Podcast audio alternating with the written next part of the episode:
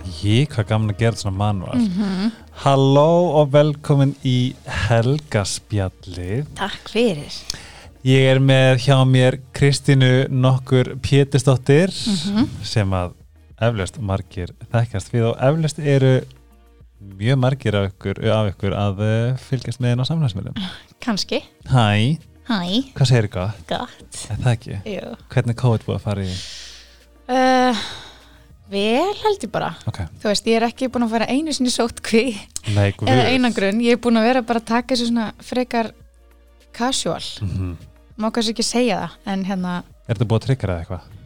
sko, þú veist, það er pínu erfitt að eiga allt í hennu sumara sem eru á lausu og það er að vera bara heimi á sér og, og það má vel ekki setja í stóri þegar alltaf ykkur bara, þú veist, þú átt Einmitt. bara að vera heima, þú veist, þú mátt ekki hitta neitt og hérna, Einmitt. Mhm. það er svona mín remedi að hitta fólk Mm. og, og hérna, þú veist, Þetta er þetta rétt hjá þér að vera singul í þessu hérna, það er pínu fyndið já, þegar maður held maður væri að fara að, þú veist, detti í djamsleik já, skilurðu. bara eiga summer of your life bara og, Summer love þú veist, já, En ég myndi segja að um, þú veist, ef maður er ekki búin að fá það og sérstaklega svona, ef maður er ekki búin að vera svona impactaður direktli þá þá er líka ákveð ég allavega COVID fyrir mig hefur verið mjög mikið blessun upp á bara að fá hérna, hugur ekki til þess að koma heim og mm -hmm. og svona taka þetta svona ke- þú veist, það sem þetta hefur kent manni að taka það bara djúft inn í hjarta já. er það búin að kenna þér eitthvað? Sko, ég er búin að vera svolítið bara að kjarna mig, eða þú veist, Mm. ég er alltaf bara að vera í framkvæmdum sem að hefur tekið svolítið mikið á geðhelsuna, þannig ég er búin að vera búandi hjá mamma og pappa, eiginlega mest allt COVID-grínið, sko Mm -hmm. en hérna, bara einhvern veginn að finna sjálfa mig upp á nýtt og þú veist einhvern veginn vera með sinni mínum og eiga smá svona tíma í fjölskyldinu sem maður hefur svona einhvern veginn oft búin að láta sitja á hakanum og ok, ég Og- laka ógeðslega til það sem þú sagðir að finna sjálfið upp að nýta því Já. að fara út í það á það hljómar eftir. svo, það hljómar eitthvað svo og það hljómar eitthvað svo krútlega Já, þetta er eitthvað svona pínu kitsað og svona eitthvað að segja, ég ætla að finna sjálf á mig þú veist, ég var í Bali eða eitthvað en það var eiginlega bara það sem ég var að gera þú veist, ég var bara mitt borða góða mat og, og bara eitthvað að gera hluti fyrir sjálf á mig og, og þú veist, það var líka svo næs sem að þurfti aldrei að vera að fara eitthvað því það var eitthvað en ekkert í gangi og af því það er svo fyndið þegar maður þú veist þess að bara þetta þegar þú hefur ekkit val nei, um að hérna um að vera ekki að fara út og allt þetta ég bara Þú veist- þurfa að slaka á Já, og líka sko þ- þurfa að sjá hvað er margt dásamlegt í kringum okkur. Mm. Mhm. Skilur, bara Ísland ert að djóka bara I að fá að setja upp í fjalli, maður bara spáði ekki í því en þú bara komst ekki annað. mm -mm. Það og maður eitthvað var að fara að gera svo mikið alltaf og maður var alltaf einhvern veginn þú veist, maður stjórnaði staði hvað var að fara að gerast næst og þú veist, maður þurfti alveg smá bara svona að láta heimilisitt vera sjálfur sér nóg og, Einmitt. og sjálfa þig og bara einhvern veginn dúlla heima og Og ég sérstaklega finn fyrir núna hvað ég hlakka til að knúsa fólk. mm -hmm. Það er fáránlegt að hitta einhverja mannesk sem ég þykir væntum og bara Já. þú mátt ekki knúsa hana. nei, emmisun og afa og eitthvað Já. svona rögl og líka bara með þetta maður hittir einhvern veginn á förnum vegi bara eitthvað svona blikk út í loftið og, Einmitt, ég er búin að nýfluttur inga heim, hitti bara alla vin og vinkunur bara út á götu og þú veist, ég má ekkert gera nei, það er, og svo eru sumir hrettar en aðrir og þú veist, mm. emma eitthvað svona æ, eitthvað svona smá þú veist, tekur svona lítið knús Við þyrftum sem að- er fara alveg í kl- þú veist, kleinu þegar maður byrjar kjössanlega ég, mér, frænka mín s- sem er s- svona aðeins eldri, hún sko hún ítti mér í burtu, ég var Já. svona ófyrirgjað ég glemdi já, COVID maður gleymi sér sko maður gerir þú það, veist, en núna er maður orðinn, sko, það liggur við að maður á- eftir að venjast í maður eftir að vera bara eins og japananir bara svona að já, beigja sig emmitt halló, Einmitt. Ég hugsaði mitt bara Vá, hvað verður að skrítið þetta er búið að mega sín aftur bara því ég er að horfa á myndir sko og bíómyndir fólk er að Já. knúsast og þú veist, ég var að horfa á eitthvað gamla heimsók þætti með Sindra Sindra sinni þar sem hann er bara að knúsa alla og eitthvað svona og ég hugsaði bara, byrju, má þetta eða þú Ég veist, veit það. maður er alveg fann að segja svona í hugunni bara, nei, heyrðu, þetta er kannski svolítið mikið Svo er reyndar svolítið fyndið því að þegar maður er í, eins og þegar ég var í Japan þá sér maður mikið að fólki með grímu en það er með tilliti til annara já, ef þú ert I kvefaður en know. að hita og bara í flugvölum, þú veist þess Fólk vegna var kannski eru að fara margir með- normal að sér að þetta svolítið Já, í rauninni, kannski er þetta bara henni góða Kristín, Já, við erum búin að þekkjast ekkert alltaf lengi nei þess vegna ég veit voða lítið um þig mm sem og eflaust margir hlustendur -hmm. um, við fáum alltaf að sjá bara hvað þú ert að bralla á Já. græminu einmitt. en, En þú ég er veist, ekki svona típa sem er að tala mikið eitthvað í frontkameruna Nei. og, og segja frá sjálfur mér sko þannig að einmitt, þess að bara, þú getur verið frá hellu eða blöndósi eða Mhm. kirkjusandi, Já. hvað veit ég mm þess vegna eigum við að demba okkur í um, biografíu yes, bara day one. ok, ég ætla samt að gíska að það sérst úr Reykjavík Ég er úr Reykjavík, Mhm. en fæðist þar allavega, Já. föstudaginn 13. november Nei! 1992, jú, þú er sportryggi og þú átt ammælið sama dag litli bráða minn já, er það. en dásanlegt, Þetta er svolítið svona dark and stormy sko totally Mhm. og fólki sem er svona, sem er svona í andluðu málefnum er alveg svona, hm, föstudaginn 13. þú veist, hvað Já, fylgir guð, þér? ég glemdi því mér Já, ah, bara svona, "Ó, það sérstundum á augunum Ég- mér finnst ég alltaf sjá hverju sportryggar á augunum og ljónum já, ég held ég sé rosalega mikil sportur ekki. er það ekki? Jú, ég er svona mitt, þú veist, mjög tröst og svona, þú veist, það fylgir svona svona döluð yfir mér og margir einhvern veginn segja sér svona óútreiknuleg Mhm. með svona resting bitch face og þú veist, óhrætt við að segja samt mína skoðin þótt ég sé líka alveg mjúku kanlisnúðra innan og og sko stingur þegar þú þarft að stinga já, en það er það bara þú veist, þá, þá er líka búið að testa það svolítið já, og þá getur það komið bara svo þrjumur heiðskil lofti sko Gjörsamlega. og matla inn í mér og engi veit hvað ég er að hugsa og allt í mér Mhm. það bara er pínu sexy, já, það, þú veist, er ekki sagt að sportreika séu mjög svona sexy. sexy og mér finnst það mjög sexy svona döluðir og eitthvað svona, já takk, ok, þú fæðist í Reykjavík já fæðist á og fóreldrarnir, landsbyggðalunum pappin er pappin, hver sagði já, ég var, ég var að fundi gerð og var að tala um þig Já. og þá sagði hún, já, þetta er hérna dóttir Péturs Gauts. Gaut- Gauts Já. já, og hann bara, já, er það Mhm. hver er pappin? pappi minn er Pétur Gautur og hann er myndlistamæður Ah. hann gerir svona, já, svolítið svona einkennandi verk, svona skál með eggjum eða skál með einhverjum ávöxtum og, og blómamyndir og svona sem að maður svona, ef maður veit hvað listamennið þá var hann að sjá maður svona, já, þetta er heima um pappa eða ah. emma og afa eða eitthvað svona en hann er, já, hann er bara nokkuð þekktur, sko og þú ert elst ég er elst, já mamma og pappi kynnast bara hann í köpen 91 90-91 Mhm. þú veist, fjölskyldan sér þau í fyrsta skipti hvort annað, eða þú veist, mamma kynnir fjölskyldan sem fyrir pappa, þú veist, bara um áramótin Mhm. þau byggu köpun alltaf og svo kem ég bara undir hann á þarrablóti febrúar? Íslandinga í februar já, Nei. já, það var mér Það svo var fyndið. sagt sko í útskiptrið minni úr, hérna, man ekki hvort það er mentaskóla eða háskóla, bara þú veist, 17. februar en 92. ógeðslega fyndi og því mamma ammel 17. feb þau fóru saman á þorrablót og þetta var bara ein töfrandi nótt hjá þeim, þess að falla þetta vita upphafið já, er svona eins fallegt og er svona Já. maður er eitthvað svona, óh, oi Ok, Já. já. þú veist að og segðu mér, þú veist, hvar að því ég, það sem ég pínu fórhætti með þig um, ég held að þú var annarkvort varstu svona Regina George þá er ég að segja svona, þú veist, þá að Já. þetta ekki í dag, Nei, eða að þú varst pínu svona að því að því sammynda er þetta með gleru ég held að vera svona dulla sem er góði starfæði já, sko alls ekki góði starffræði Já, en algjör dulla, sko ok og svona, einmitt, sterk í íslensku svona íslensku nörd ah, og svona, já, ég hérna var semst Í í hvers- þrejum grunnskólum Ok, ég semst við flytjum, sko fyrsta heimilum mitt er einmitt á njálskutunni það sem ég er að flytja núna að það Já. er, er, er, e, er það búið í eigu þeirra síðan? já, það er búið að vera í eigu fjölskylduna, sko síðan bara 1929, eitthvað, bara eiginlega frá upphafi það voru einhverju ein, ein fjölskyldi sem bjóður hérna tvö ára eða þrjú ára eða eitthvað áður og svo flytja hérna ammun og afinn með allt sitt stóð sko og svo bara einhvern veginn hefur aldrei tímt að selja þetta úr fjölskyldin, það er alltaf verið einhver frændi eða einhver frænga sem er að leia og, og ég bjóð hann upp á lofti sjálf sko alveg í risunni í fimm árum en verið í háskólanum Já. og nú er starki bróðu þar og ömmu sýstum mín býr á miðhæðinni og nú er ég að flytja aftur á fyrsta hæðina En ógæðslega fyndi. Mm Mhm. Þannig að við búum þar fyrsta árum mitt og svo fyrir aftur kaupunum og pappi klára námið og þannig að ég bjó í fimm ári í Danmörku. Að það? Mm -hmm. Mannst eftir? því? Ég man eftir því sko og ég talaði vist bara, þú veist, ég talaði bara dönsku Já, og kom heim og það er einhvern veginn svona, þú veist, ég fór í hálft ára leikskóla í Íslandi já. og það þótti ekki dvolega töff að vera, þú veist, sex ára og, eða fimm ára og tala svona mixt. Já, já, já. Þú veist, það var alveg bara svona, kannti ekki íslensku, bara eitthvað svona, mó, hann sputtiði á mig, bara Ah. Já. eitthvað svona algjört bull. Æ, og það var svona pínu erfitt að koma inn í það umhverfi sko, þannig að Mhm. ég einhvern veginn bara gróf þetta mjög djúpt innir með mér sko en þú veist, ég man og svo fyndi að maður man ég er með svona, mjög svona mikið lyktarminni Já. ég man, þú veist, lyktin á stegaganginu, við byggum í svona kollegi Mhm.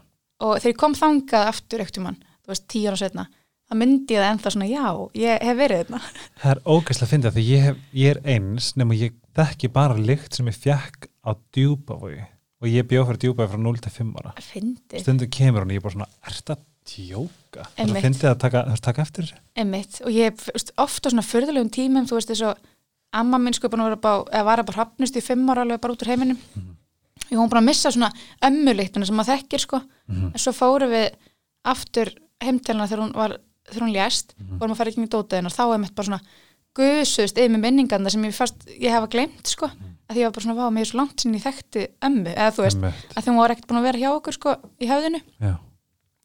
og þá var ég alveg bara vá, þetta er ógæslega sterk þú veist, sterka minningar sem er tengda bara lykt hjá manni, Það er ógæslega að finna að skulle segja, ég hef aldrei spáði því en Nei. það er ógæslega rétt hjá þér já þú veist og ég held líka, þú veist, að því að oft hefur mitt bara svona blossað upp ykkur lykt sem að ég, sem er ekki til staðar, mm. þú veist kannski bara ári eftir að maður dó allt innu kom bara svona ömmulikt maður bara svona býtur nú við eða þú veist, það lætur maður svona halda ég er svona smá þú veist, búin að fá sönnum fyrir sjálfur mér um að sé eitthvað meira og starra að núta því ég er bara svona, þetta er eitthvað skrítið eða þú veist, Ég er svo al, ég, ég lendur svo líka, þetta er ótrúlega fyndið og það er sem að taki sko 0,1 sekundu og fari á okkur stað og komið tilbaka já og svo bara, finni þetta, og þú veist, það fann þetta engin annar og maður bara svona átt þetta moment með sjálfum sér mm, það hljóma sem að sé eitthvað pínu crazy en, já, en þetta ég er svo finn- fallegt, þetta minnst þetta svo heimilislegt Já. þú veist, að ykkur sé bara svona aðeins að koma Vinna til á manns, sig. maður er ekki eitthvað það er ekki eitthvað panik sko Hver er að syngja?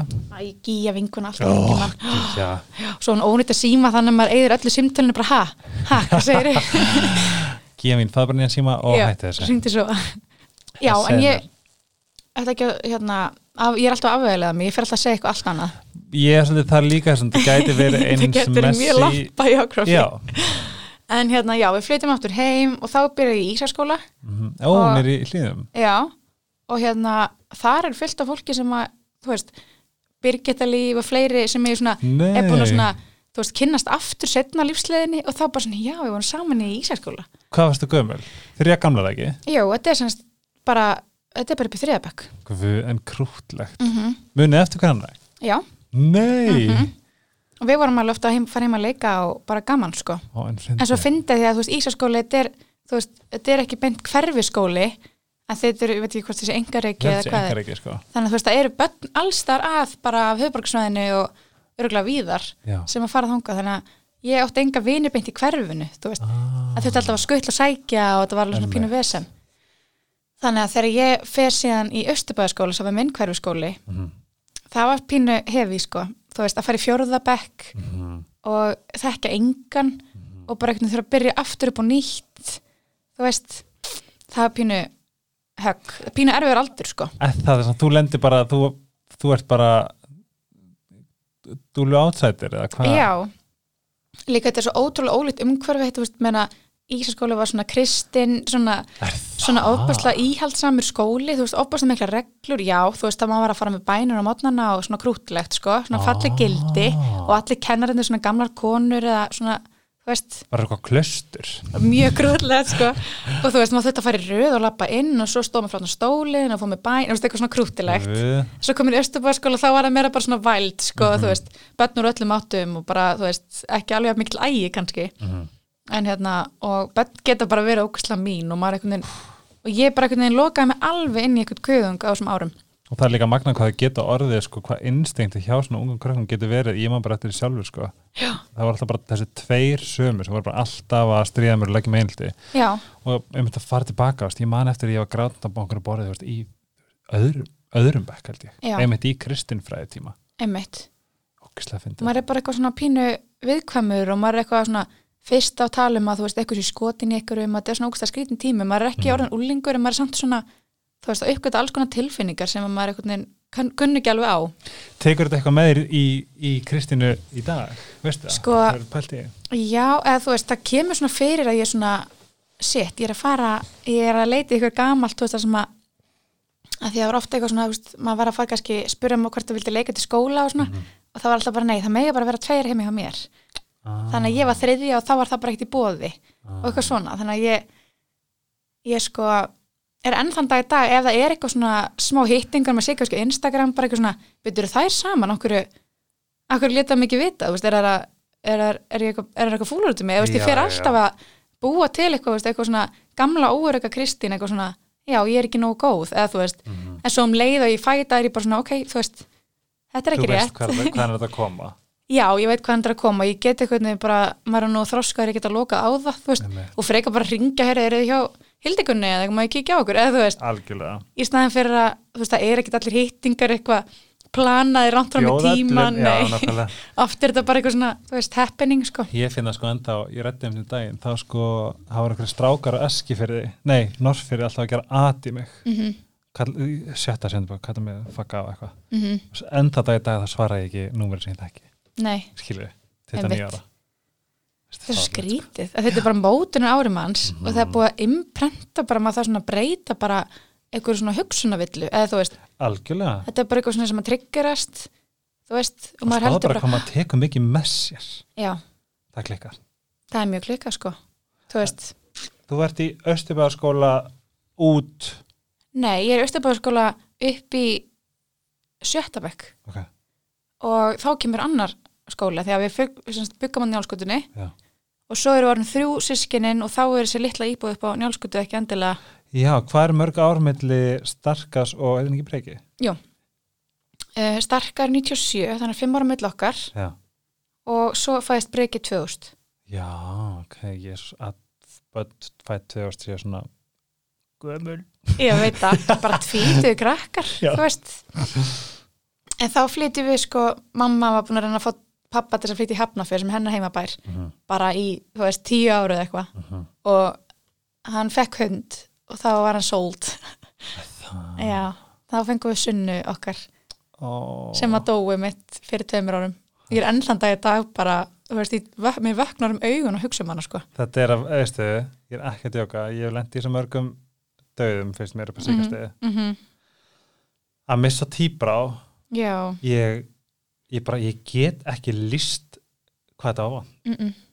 Og núna á ég hund, núna Noel, og ég Já. fæ kvíðakast I know. að hugsa til En maður þess. mun alltaf lifa dýrin sín.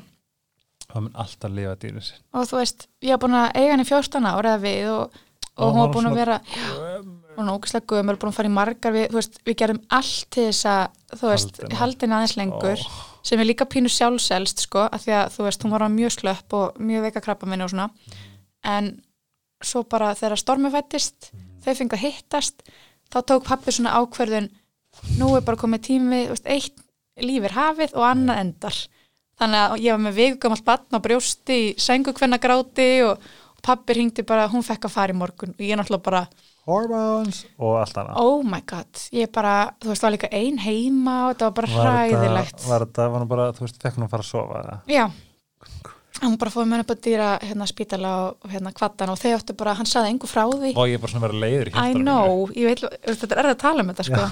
og þau áttu bara svona stund þau voru alltaf tvö saman upp í bústað, pappa mála og hún að hlusta á óperu með honum og, Æ. og, og hann er ennþá sko, þú veist, ef hann er búin að fá sér nokkra bjóru og talar um sunni, þessi mynda sunni þá er hann bara, þú veist, maður má vera Ah. að passa sig því að hann er Þau- mjög viðkvæmur þau eru svo mögnu þetta er I sami know. mömmu og tíbra, tíbra á mín sko Já. Mhm. mesta drolla í heimi -hmm. mamma var alltaf svona pínu pyrruð hérna, hún Já. var alltaf Mamma nýti líka. og hún var ókslega mikið drottning ókslega frek allt út í hárum Já. og ég held bara þó að við elskum hana öll svo ókslega mikið þá held ég að þetta hafi haf- fengið mest á mömmu Mhm. sko. ég er sammála sko, því að mamma er með engin hundakona, engin dýrakona yfir höfuð var alltaf svona, æ, svona farin í þvótt á þessu, æ, æ, loka, lokaðu fyrir hund, eða þú veist, Já. hérna lokaðu hörðinni hjá henni eða, Settu eða bara setuna svona, ó, niður. bara, ó, já, bara þóldi ekki, þú veist, alltaf að sníkja og Mhm. bara, ó, maður getur ekki farið til útlanda nema bara það er bara svaka við sem maður á bara hérna fjögur börn, þú veist, maður þarf að setja eitt alltaf í pössun og þú veist, henni fannst þetta svaka hvartaði mikið yfir var þetta labrador? Gold Retriever, oh Já. my god sætust Já. og svo fór hún og mamma bara, ég var í sjokki þá einhvern veginn, að því að mamma var svona húsbóndin þú veist, þótt að pappi hafi verið svona meiri með henni, sko Mhm. þá einhvern veginn áttaður eitthvað bond sem maður einhvern veginn sá ekki fyrir en að þú þú veist það þurfti að rjúfa það sko Ó, elsku og sunna. hún fekk að gráum hann upp í bústað og hún var smá svona sunnu flöt þar Æ, fín, gá. en ég hugsa alltaf bara í dag þú veist nú er stormur og hann er svona pínu stálpaður og hann elskar hunda og ég er bara svona "Ah, þau hefur verið svo geggju saman sko Þangað til þá getum við hýrst að róla og ég komi Nóel. já, ert að djóka Nóel er algjörð Já. demantur. En ég, ég er svona að fyndi, ég, get- ég hef fengið, nú er ég svona að fá hann heim, já, bara það sem fylgir. Ég bara, að líka leggja það á dýrið Já. bara, hann fór í blóðpröfu, nú er að fara til allt annan, hann fór í blóðpröfu 19. já og dýrlæknirinn fokkaði þess að gaupa þess að fara aftur og ég fann bara, það, það báli mér, ég Já. var svo reyður. já, bara skulle setja gullið mitt í gegnum þetta eins og nefn Anywho, mælum að fá okkur hunda því það er æði blöð. það er geggja sko Ég hérna hvaða skóla fyrir næst? Nú er hann, Já, nú er já. hann legit forvitin sko. já, nú fer ég í, ég flytt með Hafnumfjörð Já, um, bara flytt í fallet einbili þar, bara með garði og svona mjög fjölskylduvænt með Varstu í hundin og, Setbergsskóla? nei, ég fór að lækja skóla já, já. Ég þekki bara Setbergsskóla. já, Tím En það eru- það eru- Setberg! það eru ógeðslega margir grunnskólar í Hafnumfjörð, ég heldur ég eitthvað met sko Ó, það. það eru ángriðs bara átta grunnskólar eða Ó, eitthvað. en ég fór sérst í lækjaskóla og þá einhvern veginn fann ég mig alveg mér var tekið bara svo opnum örmum og þá voru svona nokkrar stelpur svona svipiður rólegi, þú veist svona óutsprungin blóm, þú veist, en bara svona ekki að það gleru sér eitthvað leim en þú veist, bara sér típa, skilja, vantaði bara spangirna til sem að myndi svona kórunu einhverja staðaltípu af nörda, skilji ó, og við vorum bara svona smá klan og við einhvern veginn heldust út bara all úlingsárun, sko við- er þetta einhver sem, er, sem ég þekki? Nei. Mm, nei, í raunin ekki. Það er ekki, þú veist, Júlíana, besta vinkunum minn, hún er eina af þessum stelpum. Er það Júlíana Hún flytur leikkona? undar, nei, hún flytur sko til Íslands frá Breitlandi og hún var líka svona ásættur og við varum bara allir velkomnir, þú veist, það var engin eitthvað svona fordómar eða eitthvað Mhm. svona þessar astnalegur, það var bara allir velkomnir sko. Auðvitað, þú veist, breyttist ímislegt úr gegnum gangandi sko, maður kannski fann sér betur með eitthvað, þú veist, Mhm. eitthvað svona og alls konar drama og þú veist, og ég var tókar út skinkutímabil og, og bara, þú veist, fór að Benny Benassi tónleika bara, Hvað það er? Be? Benny Benassi Já, á Broadway eða eitthvað, guð, fór bara með einmitt. strætó með eitt smirn of ice, þú veist, í nýjendabæk Mm þú veist, mamma bara held ég var heima svoandi og Brúnu topparnir með Já. glimurinu framan á. sparkshættu peysurnar þú veist, bara geðveikt dæmi Mhm. og bara, já, Það sem þú fannst ekki gott þið. Nei, en svo átti ég líka svona tímabil svona tíundabekkur, þá fannst mér ekki lengur töff að vera skinka með þú veist, slétt, svona hár með styttum Mhm. held ég þá ekki að vera svona típa sem fór bara í naked ape föt og, og svona spútnik og var Kista svona köttin. pínu arti, já, Já, og fannst það allt í hennu geggjað. geggja, sko. Það var svolítið 2007. já og já, svo einhvern veginn fann ég mig bara svona hægt og rólega bara minn stíl, sko, Æði. en fyndi hvað maður er leitandi, sko, Ég veit það. Ég, ég hérna, ég hef einmitt bara verið þannig, ég, hef- mér, mér er alltaf, ég, bara, ég, ég hef alltaf verið allt. Mm -hmm. Mhm. Góð, já svolítið verið þetta, svolítið verið, ó, hérna. það var alltaf flata. Einmitt, og ég er ennþá að finna þetta hjá sjálfur mér svona, stundu Ég tekið eitthvað líka. tímabila sem ég bara svona að ég með langar bara óslega mikið skvísa með gerfiaugnar og, og bara setja með smá brunkukrem og eitthvað Mm. og stundu var ég alveg ógeði og langar bara að vera óslega natúral og, og bara, þú veist, í það, strákafötum það þarf líka svolítið að normalisera það, því ég einhvern veginn er of mikið, að- ég er alltaf út um allt eitthvað, ég er týpur, Já, veist, einu sinni þarna og svo þarna. já, en svo, ég, ég er líka svo spenntur að heyra ég man eftir í óróa mm -hmm. Mhm. þess að þú ferði í hvern og ég fyrir kvennarskólan, já og það var svolítið svona, þau vorum allar að fara þangað já, en eftir að hyggja, ef ég geti breytti í dag Svona, Það ég, er vil ekki gera lítið úr- valið. ég hefði valið Vestló eða MS ég hefði valið, ég fór í MH svo Já. er ekki spæ, ég fór í MH að því ég held bara, ég var bara, ó, ég er svo cool Já. en Ég var líka þar sko en það, var allir kvenna og ekki MH í mér. gras Já. þegar ég var þarna og ég er ekki þar sko Nei, og ég var bara svona shit, bara byrja að reykja alveg að þetta í grasið já eitthvað svona, Já. en ég hefði alltaf hann valið að Mhm. fitta inn Já, mér var eitthvað svona bóð að borð og þú mátt vera hér og svona. emmitt, já. en ég hefði valið vesla líka ég hefði viljað verið í leikritinu já, ég líka er þetta jóka sko, líka því þú veist það er alveg fínt leikfélag í Kvennó Já, en það var bara ekkert starrætt á þessum árum sko mm, og meðan að þú veist, ég var alltaf vinkonum mín einn fór í vestló og ég var alltaf með bekknum hennar að gera eitthvað skemmtilegt Mm. þú veist, það var alltaf eitthvað fyrir partí það var alltaf Guð, ég er að fara svona geggjuböll flashback núna eitthvað ákveðs ég sakna þess Ég er og ekki böll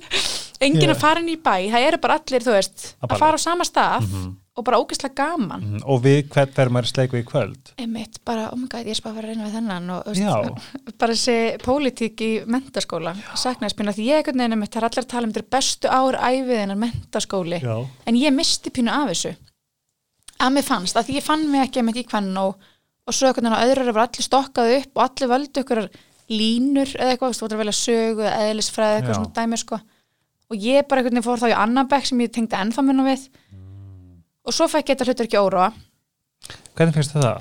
það var bara ég var semst að í leikfélagi varstu kærast einhvers karakter já, kærasta, að ég hérna, kærasta besta vinnan aðal er það, Ég- er það Haraldur nei, já sko nei, hann er semst, Haraldur var semst kærasti Atla Fannas nei, Atli Fannar, Atli Atli Óskar. Bjar já, Atli Óskar já, æ, heit Emmi. maður það ekki svo marga Atla en hérna, Atli Fannar er nútíminn já, já, já, já, já. emi, til þess að hafa dalva hreinu ég hef líka unni með honum já, Nei, hérna, já, við vorum svona sett, uh, eitthvað svona eitt couple, sko, og ég Ok. ætlaði náttúrulega bara, þú veist, þarna var ég, fann ég mér nefnilega, til þess að ég finn svona, tala meira um hvernig ég fann mig, mm -hmm. þá er That- mitt, ég vissi that's why we're ekkert, here, honey. já, ég vissi ekkert hvað ég vildi vera, sko, ég er mitt, bara allan úlingas, svona, hvað sem úlingastegi og allir mm -hmm. tala um hvað, ætla, hvað brautir ætla á í mentaskóla, ég bara, I don't know, skilur, bara eitthvað ekki með starffræði, af því ég bara sökkaði því, tengi og svo opnaði eitthvað svona svolítið sniðt í Hafnfrabæ að, hérna, að einhvern veginn svona stöðla að listum eða þú veist, þeir byggu til svona listahóp innan úlingahópsins eða þú veist, úlingavinnunar ah, Þú gæst var í slátturhóp og blómahóp og svo gæst líka fyrir listahóp og ég fór í það sem er fekkuð laun fyrir það Já, hvað er það? það sem við vorum að gera svona sko, þetta var svona svo göttulistahópur við vorum að gera alls konar list, þú veist, fyrir bara í bæinn, bara svona einhvern veginn gera hans meira líf, við vorum að gera leikir, tveiri leikinámskiðin, við vorum að taka á móti skemmt að vera skipið með einhverju danssjó, við bara svona aðeins að fá- blása lífi í bæjarlífið. Einmitt. óskaplega Ógeðslega gaman og við fórum að fyrst, fyrsta sumara mitt, ég var að þrjú sumur eða eitthvað, þá vorum við með geggjaðan hóp sko. Mhm. Þá var með auðin Lúters, Eigló leikuna, hún fór líka, þú veist, auður, söngvarinn já, já, já, já, og Byrnarún og Eigló þær fór líka í listaháskólan er það bubba?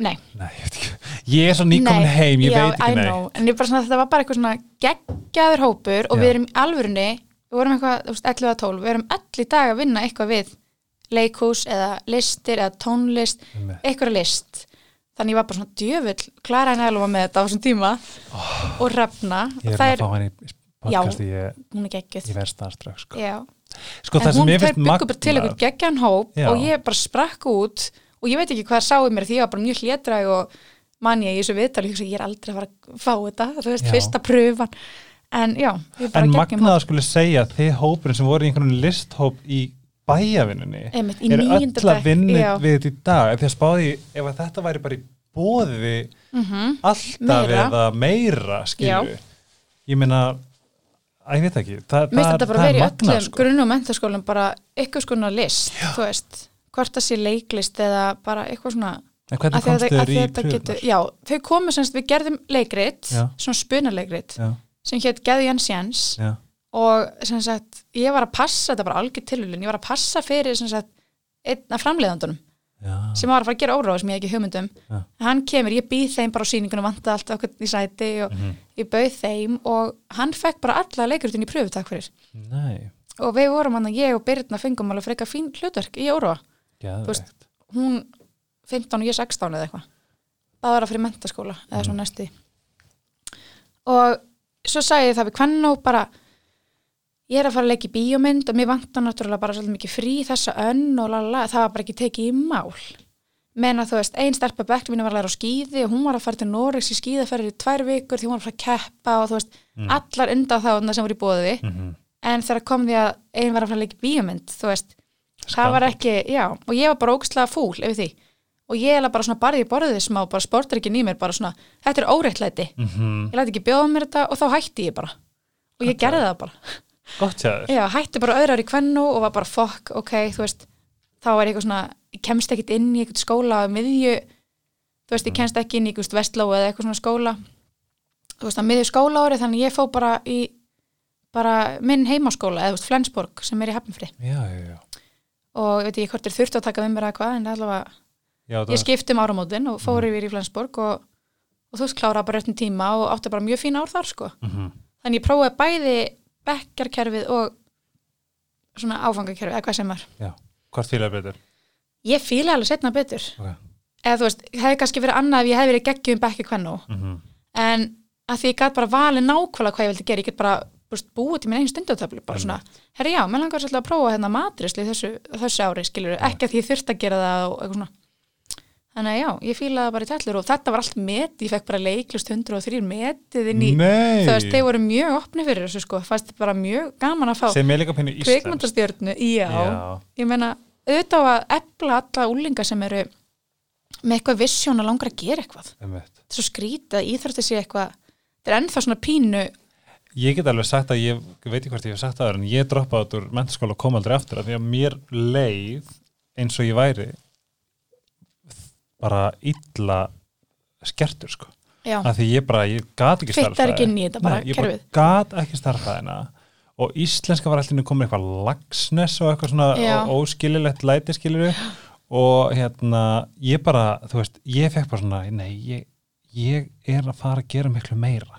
ég er að fara að gera miklu starri, ég veit ekki hvað er að gera en ég ætla Nei. að gera það já, það er svona, ég ákvað bara að fara og ég flutti reykja og ég fór bara að vinna hér já, Þú veist, var bara netverkaði, þú veist, 15. fyrsta lögð og sundag og Mhm. var að taka myndi frítt og emmitt höslaði bara eins og einhver bafiðan sko. emmitt, það er svona, en það vantar svona space svona í samfélaginu, þú veist, þetta er svona pínu átkastars sem að Mhm. emmitt geta síðan sprungið út bara okkur allt öðrum vettvangi, sko og talandi um allafannar þá á hans við bara sögja ég, svona, Já. ég, ég fann mikið komfort í honum já, emmitt, hann er bara eitthvað að bossast upp á rúf sko. já, hann sem þetta var með nútíman hanna Mhm.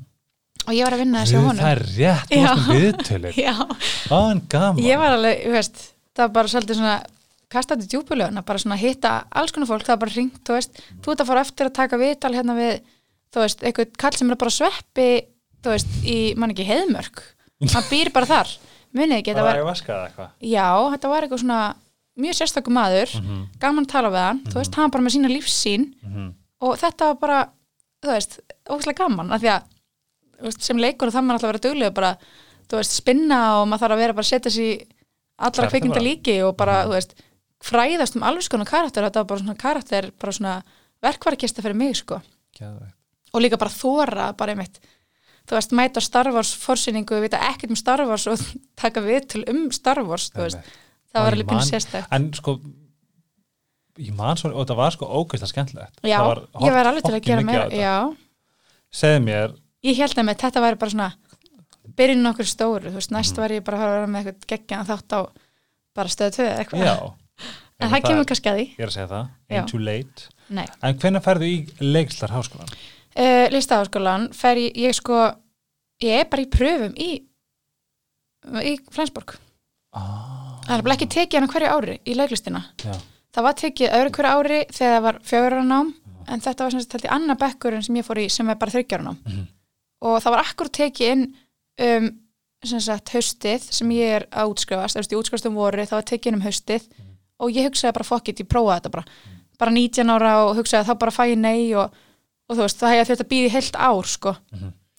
og hérna, eða tvö ár, þú veist ég hefði þetta býða þegar það var ekki tekið inn ári eftir ah, og ég fer allir langt og strangt ferli þarna, fæ bara þú veist, mikla hjálp eða mikla hjálp, ég bara svona talaði við leikari sem pappa og mamma þekktu, svona legend in the game, hann heitir hérna já, hver segir það? Pétur Einarsson, hann hérna þekktastu fyrir að tala fyrir Mufasa í, í Lion King Ó, í alvörinu Nei, nei, ég segi svona, nei, það er bara ógeðslega góð kall, bara fjölskylduvinur og hann bara svona hjálpaði mér að þú veist, finna mónolóka og bara svona aðeins að undurbúmi fyrir þetta og þetta eru þrjú skref, þú veist, fyrst þetta er bara með ferð bara inn á svið, ferð bara með ykkur mónolóka, þrjá og svo næsta ferðu kemst aðeins lengra inn og þá ertu komin í smá hópavinnu og, og svo í endan þá erum við bara 20 og svo komast 10 inn Sjö, þetta er alveg intensíft dæmi, þetta er bara tveggja vikna ferlið eða eitthvað sem þú ert bara í kvíðakasti og sefur ekki og þú veist, ég var náttúrulega líka útskjóðast úr mentaskóla þannig ég var bara,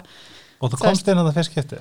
já, komst inn Næs bara held ég klikkaðist að dag lífsmins, ég bara, ég hefði ekki hug, þú veist, ég þetta er fyrst fiskið sem ég svona einhvern veginn hafði bara trú á sjálfur mér Mhm.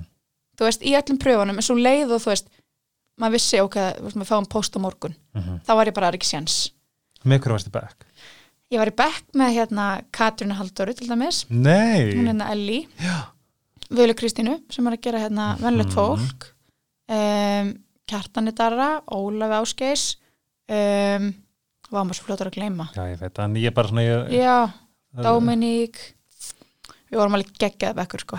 já, líka bara öllum Margkenndlega. aldri já, ógeðslega gaman en ógeðslega erfitt En Mhm. það, ég sé þetta fyrir mig, ég, ég íhuga að sækja um sko já, En ég fekk bara, ég held að væri bara eitthvað svona eins og hann að Aron, hérna, Már já, Móla, já, hérna, þú veist, einhvern veginn var hann í list í þessu skóla og einhvern veginn að gera ókslega mikið líka. Ég er bara, Já. hvað, þú er þetta ekki bara svona eins og eitthvað svona námskeið? Eða, þú nei, veist, nei, en það er bara alls ekki svo leiðis. nei, hann fjall líka neitt. Nei, það er satt.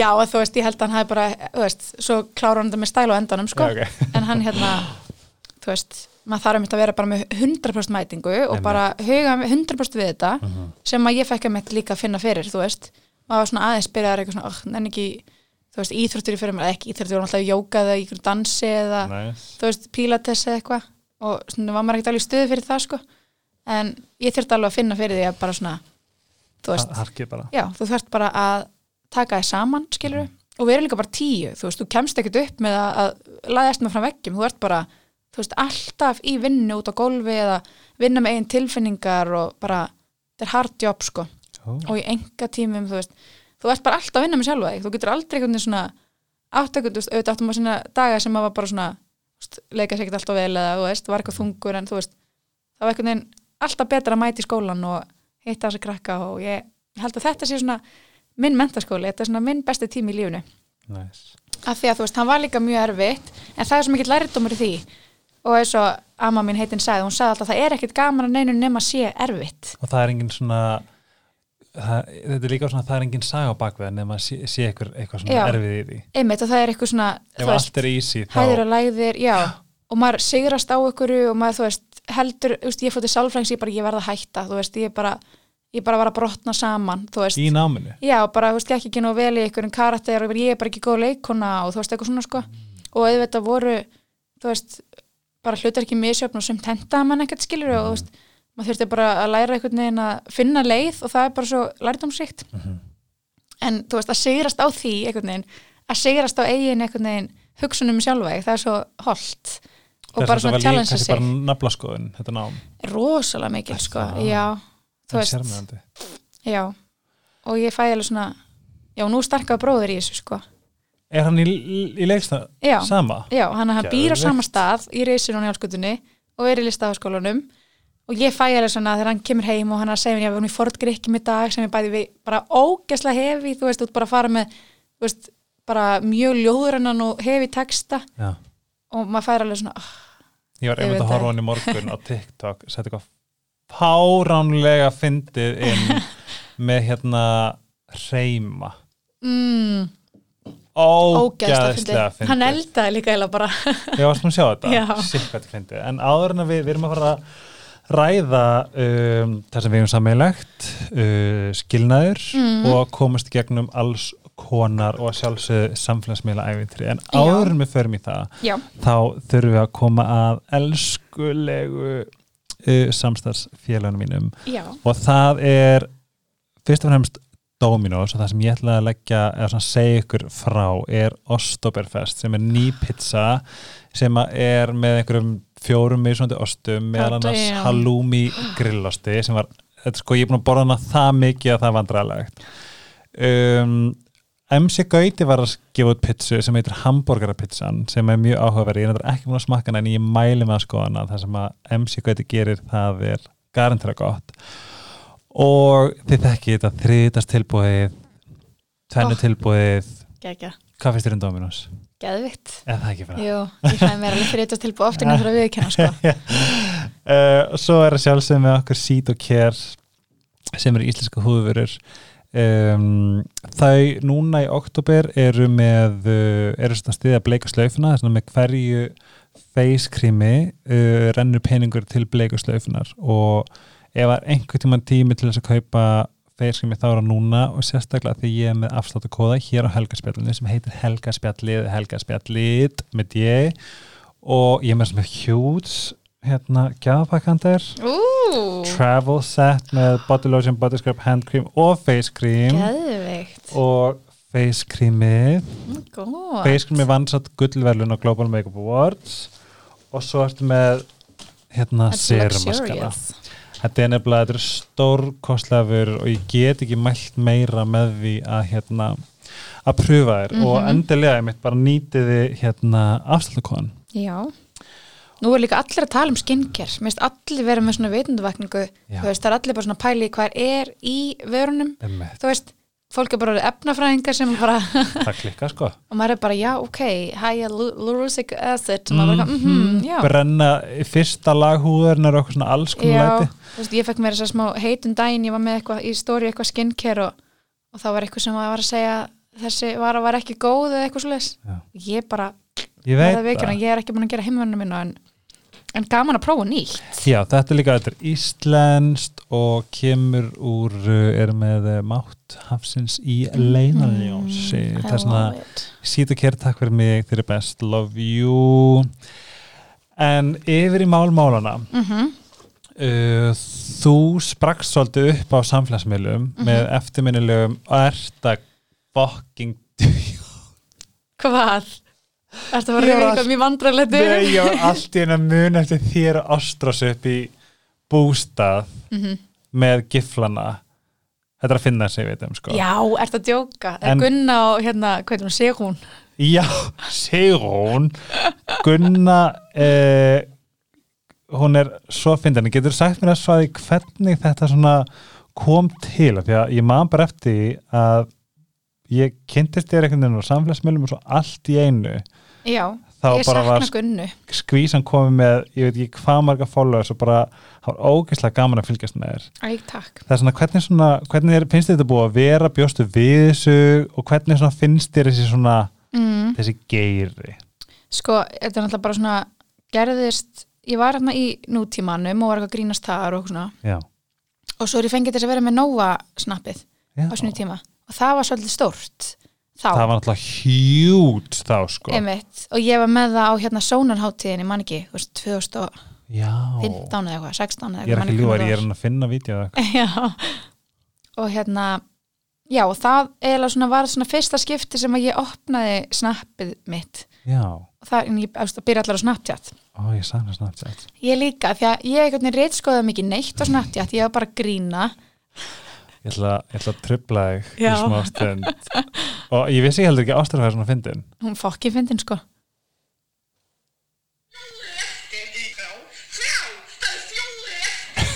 ég sko klift þetta saman og ég hló svo þú mikið settir þetta í stóri hjá þér já, gæðsla pyrrandi að þú skulle búin að geta alla giflaður svona mína og ég var búin að kaupa þetta því að ég vildi hafa einn fyrir hvert dag og hún er bara fjóði eftir og rosalega nýsk nýsk ég bara elska þess núna ég er ekki skrá frá það er fjóði eftir Þetta er ógæslega fynd, þetta var náttúrulega Get- við grenjum og hlátri sko. ég get ekki sagt þér hvað ég horfði á þetta Nei. á og ég Ég þarf að- grenja Ég þarf að þig finna þetta allt, ég þarf að hitta Ástrós og taka upp þráðum með Sigrun og Gunnu sko. Ég vil ekki hugsa bara hvað mér bara gera þær tvær þáttin nema bara Án gríns. reimagine með Gunnu og Sigrún Sigrun, já, Jesus Christ líka svo, já, en svo svo leðilegt ég mitt, við vorum alltaf að gera Gunnu Mhm.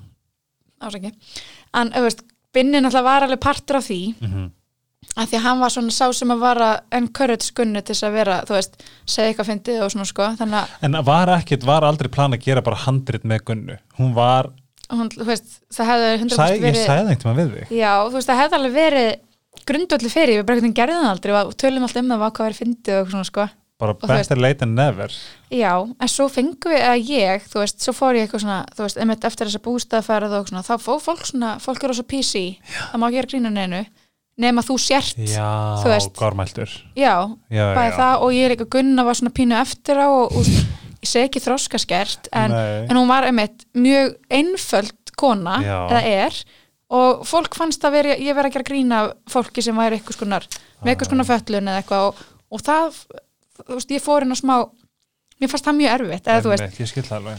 og Sérstaklega þetta er bara með góði vilja gerð, skilur. Og plús já, og bara ógæslega fyndi og ég menna, þú veist, menna fóstbræði gera þetta nú alveg hundur sinni, mér er ekkert að bera mig saman með það skiluru, en þú veist, það, það var í lagi þá en í dag má ég bara ekki gera grínin nema þú sért, þú veist, Einmitt. þú mátt að gera grínin á hommum en ég mátt ekki gera það, eða þú veist algjörlega og svo mér var einn stelpa sem sendi mér sko á Instagram að hún var í mann, eða er í mannfræði í HÍ og þar var Gunna tekin fyrir, bara highlight sem eitt um Gunnu að teki fyrir sem þú veist, eitthvað skonar, þú veist, hvað finnst ykkur um þetta bara Ó, í samfélagslega skilji ekki, bara þú veist, finnst ykkur í lægi að gera grína þessu la la la og bara, þetta er þetta ekki og þú bara veist, já, hvað er húmor, eitthvað svona, ég veit ekki hvað það var en þá var ég bara svona, ok, ég nenni ekki að Þessu. taka slægin, þú veist ef þetta er að móðgöku, þá vil ég bara frekar hætta því Mhm. heldur en að fara að vera með eitthvað svona ég veit betur, sko, já, já.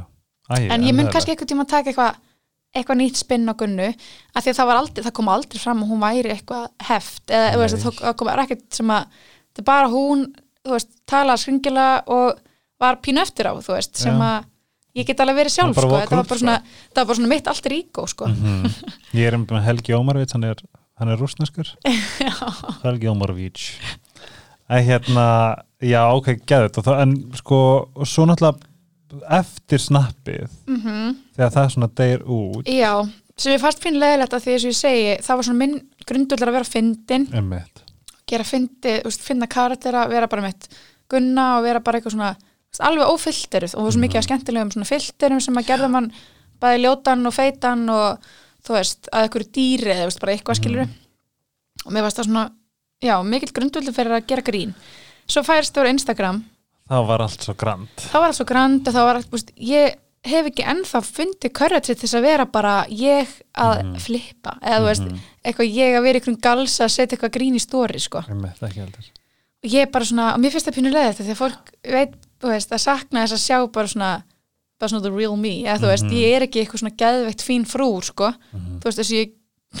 lít út fyrir á Instagram, sko Ég held að við séum það enginn sem erum Nei, þú veist, og maður er eitthvað með einhverja glansmynd en samt er ég óslega mikið að móti því að maður sé með einhverja glansmynd Mhm. en mér finnst bara miðlinn bjóða svolítið illa upp á það en Algjörlega. starkaður bróður minn gerir það bara Vel. skýlust, þú veist, hann er bara hann sjálfur, jú, jú, hann setur alveg myndir að sér í fínu fötum líka eða þú veist, þegar hann er hérna glammed up en hann er líka bara hann sjálfur og bara, þú veist, með ból og högun hún alveg sama, eða þú veist, það er ekkert Það er kannski svona TikTok sem er komið í staðin já, svolítið, Veistu bara ég bara einhvern veginn er ekki nóg klári að, þú veist, pródusir að gríni mitt Ég heldur mér langar frekar að bara svona bylla og þú veist, í stóri og svo bara Íta setja rekk og segja gott já, ég nenni ekki að vera eitthvað svona finna ykkur hugmyndir að því hvernig ég, veist, Já, ég ég bara, sammála. ég þurfti kannski að gera það Þegar, En það er þetta mjög- skemmtilega, ég er, ég er al- alltaf á TikTok sko, Já, þú veist, þetta er fucking ekki að setja inn heldur bara að horfa, þú veist, mér stakst það Ógeðslega skemmtilegu fyndið. miðil sko, Nei, ég sko það sem fyndi með þess að þú tala um með Instagram og núna náttúrulega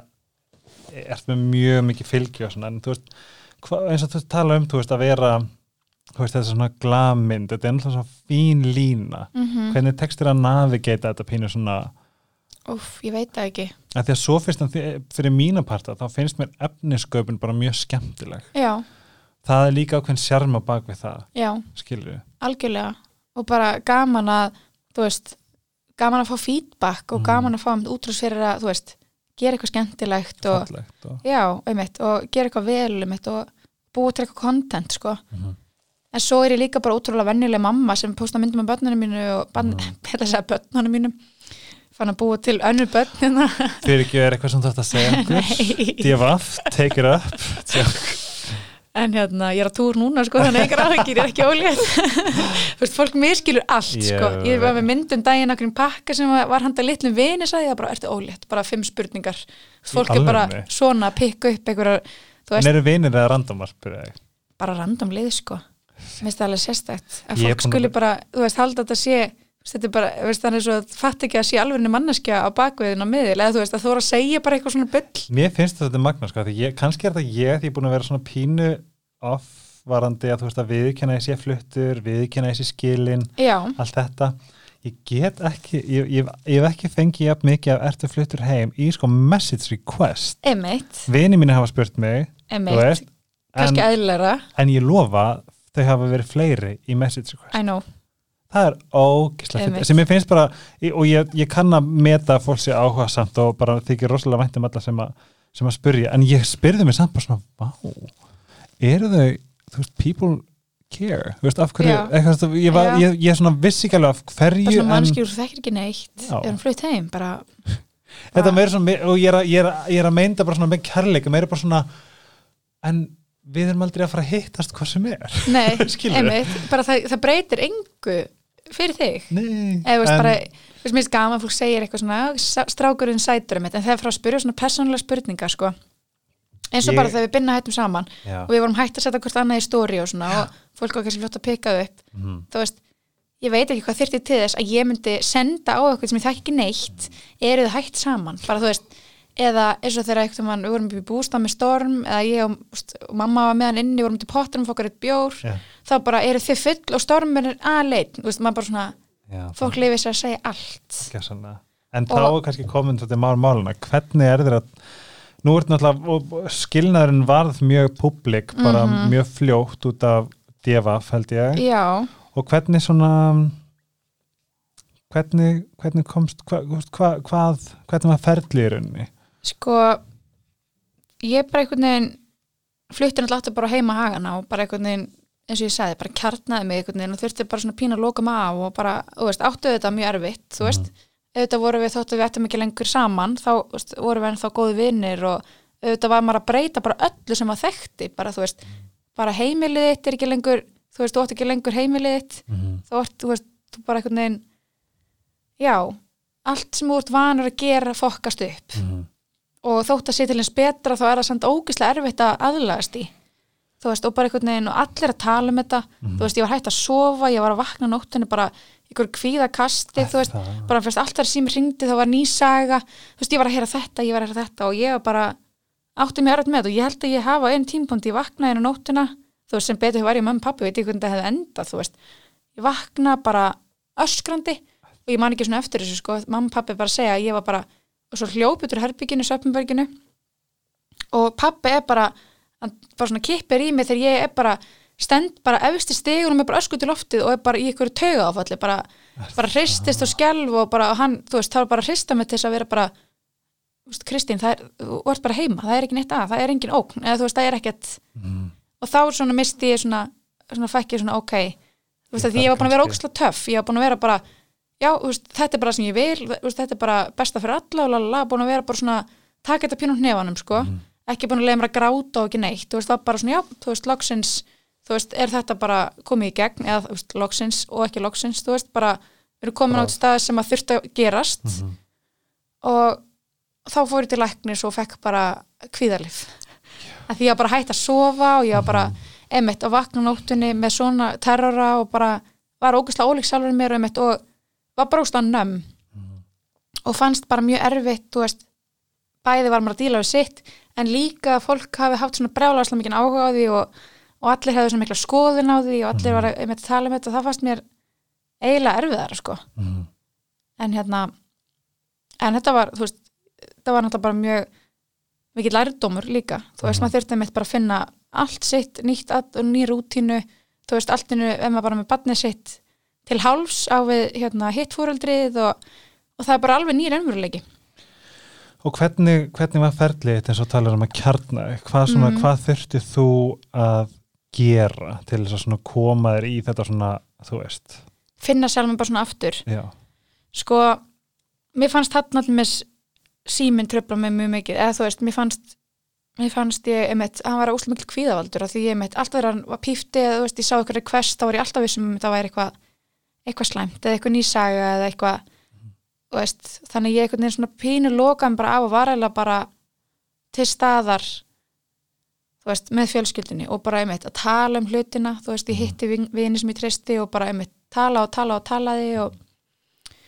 og ég bara einhvern veginn þú veist, var mikill lærdómi líka bara í því, þú veist, að maður hver eru vinir manns í svona ferli, þú veist, hver er leita til þín og, og actually eru bara þú veist, hvernig líður þér en ekki bara reyna, þú veist, spyrjum eitthvað slúðusögu þú veist, eru bara að reyna að vera manni til halds og trösts Mhm.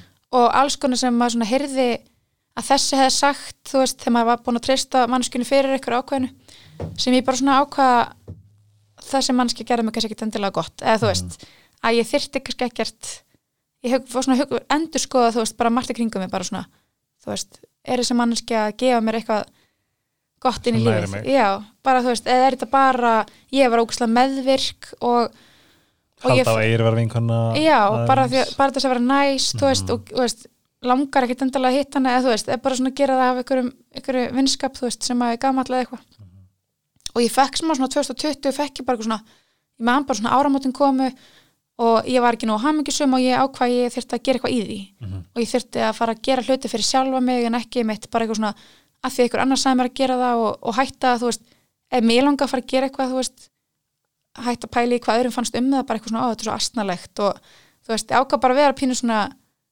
svona bóldi því að senda bara, þú veist, á umbósmann sem að mér leist vel á, bara svona, herri, má ég koma að fund með þér, þú veist, erum við getum við unni saman, þú veist og við hittust bara og klikkuðum að, þú veist, ég er ekkit viss um að ég hef þóra því, sko Einmitt. einhverjum mánuðum um áður, bara ég þorði bara svona að gefa mér smá pláss og þóra að segja nei þegar ég vildi ekki gera eitthvað og einmitt, þetta bara þessi skilnaður og hérna og þú veist, þetta bara svona lét mig sjá hlutina pínu í nýju ljósi það er nefnilega svo magnað hvað skilnaður þetta er svo, eins og ég sagði við þegar við hittumst á hann mm -hmm. það, þetta er svo komplex dæm að því ég man eftir þegar ég skildi ég hringdi sem betur fyrir vinkunum mína sem að sem að leiðbyrði mér svolítið í gegnum þetta sem Já. var líka búin að vera gangi í gegnum skilnað Já, en ég fann ekkert podcast ég fann ekkert mm. Þú veist, jú, jú, ég fann alveg, þú veist, einhverja sjálfsjálfabók sem var glægt að vera hjálp mér nei að þetta er svo skri, þetta er svo, það gerir svo ógeðslega mikið og ég er næst ég að fara hérna í eitthvað svona þú veist, þetta, þetta gerir svo ó, það gerir svo ógeðslega mikið skrítið Mhm. sem að maður býst alltaf við einmitt, og þó að eitthvað sé rétt Mhm. og þó að eitthvað sé rám já, ég vildi að einhver geti sagt manni svona átt að gera þetta já, einmitt að því að ég bara um, maður getur valla listi einhvern veginn, einmitt, skilur við mm -hmm. ég finna bara, þú veist, líka bara hvað þú veist, ég veit ekki, þú veist er, þú ert vantalega sip og ég er bara svona semi meðvirk, skilur við, við erum Já, þetta bara búin að mjög. sérstæðlega bara í sambandi já og líka lítið tilbaka, maður er bara svona guð, eða þú veist, Já, ég finna bara hvað ég elskaði fram úr mér mm -hmm. og glemdi mér Mhm. og hvað ég var einhvern veginn ekki bara að passa upp á mig allt í einu nei og líða eins og það væri ekki heldur það, ein- að, þú veist, það er heldur ekki verið að passa upp á mig eins og ég kannski passa upp á aðra einmitt, og ég held já, þetta var svo skrítið ég var einhvern veginn Þetta er svo skrít og ég, ég vildi óska ef það er einhverjarna úti sem er í gangi gegnum skilna er að, eða er að íhuga bara þú veist, expect the unexpected já, að því Algjörlega. bara þetta, þetta, þetta, þetta er samt, það er svo gott að sagði þetta líka þú veist, að kjarna sig að finna sig, að, Já. að lifa í dúói já, er alveg jafn einhvern veginn hellað og að lifa einn já og ég allavega sé það sem svo ógæslega mikið frelsi, ég er svo ógæslega þakklur fyrir að fá að kynnast mér upp á nýtt mm að því ég finna að ég hef búin að týna mér algjörlega, ég líka og það er bara einhvern veginn þú veist, og það í því er bara svo mikill máttur Já. og fegurð og ógislega erfitt ég ætla aldrei að Ógeðslega- skáfa nei, nei, það nei. og líka bara taka þessa ákverðun sko. Mm. þú veist þetta er alveg hella dæmi þú veist Þetta er sérstaklega þegar hella maður á bara dæmi. bann og maður á íbúð og þú veist, þú bjóst í öðru landi þú veist, þetta er einhvern veginn maður ve- veit ekkert út hvað maður er að fara sko. Mhm. bara þú veist, eins og ég segi, allt sem þú þekkir er að fara að fokast upp Já. bara allt þitt comfort zone Já. og það er sann svo holt, þú veist og bara að hugsa til þess þegar ég kom ég átti ekki skál ég fór að kefta mér eina skál Já, og ég er sérst búin að kom og lagði peningi tryggingar og íbúðina og allt þetta og, og ég átti held ég ég held ég að verið með 11 skall einu korti ennvægt og hérna ég fór og kefti mér eina skál Já, ódýr nýjapör og bolla mm þú veist, bara en heima nægjus ymi bara, já, líka við og þú veist, ég veit þetta var þetta var algjörlega surrealist af því að heima ég, veist, ég átti íbúð afsala hennar mér mm ég átti falleg falleg hérna hvað heitir þetta, diska og Já, skálar og bara allt þetta. borðbúnað og bara fallega Ég átti húsgögn og já, allt sem að maður set, þú veist, heldur að sé partur af þessu fullkomna lífi þú veist, og maður lifir eitthvað svona, heyrðu, það er allt gott þú veist, ég er bara hérna með á fallet heimili, allt sem að ég held að ég vildi en svo ef maður er ekki hamingi samur þá verður maður líka bara að gera eitthvað í því Einmitt. að því ég held að séu, þú veist, bara að tala um þau vinkunum sem eru kannski ennþá í samböndu sem eru ekki hamingi samar í Mhm. maður er bara svona, ok, do something about it, skilur og ég held að séu svo ógislega margir á þessum stað sem að þrauka ykkur samböndum Já, þú veist, kannski ekki eitthvað major issues Mm. bara þú veist, bara kannski er ekki ástfangnar eða, eða þú veist, bara eitthvað ekki lægi Mm.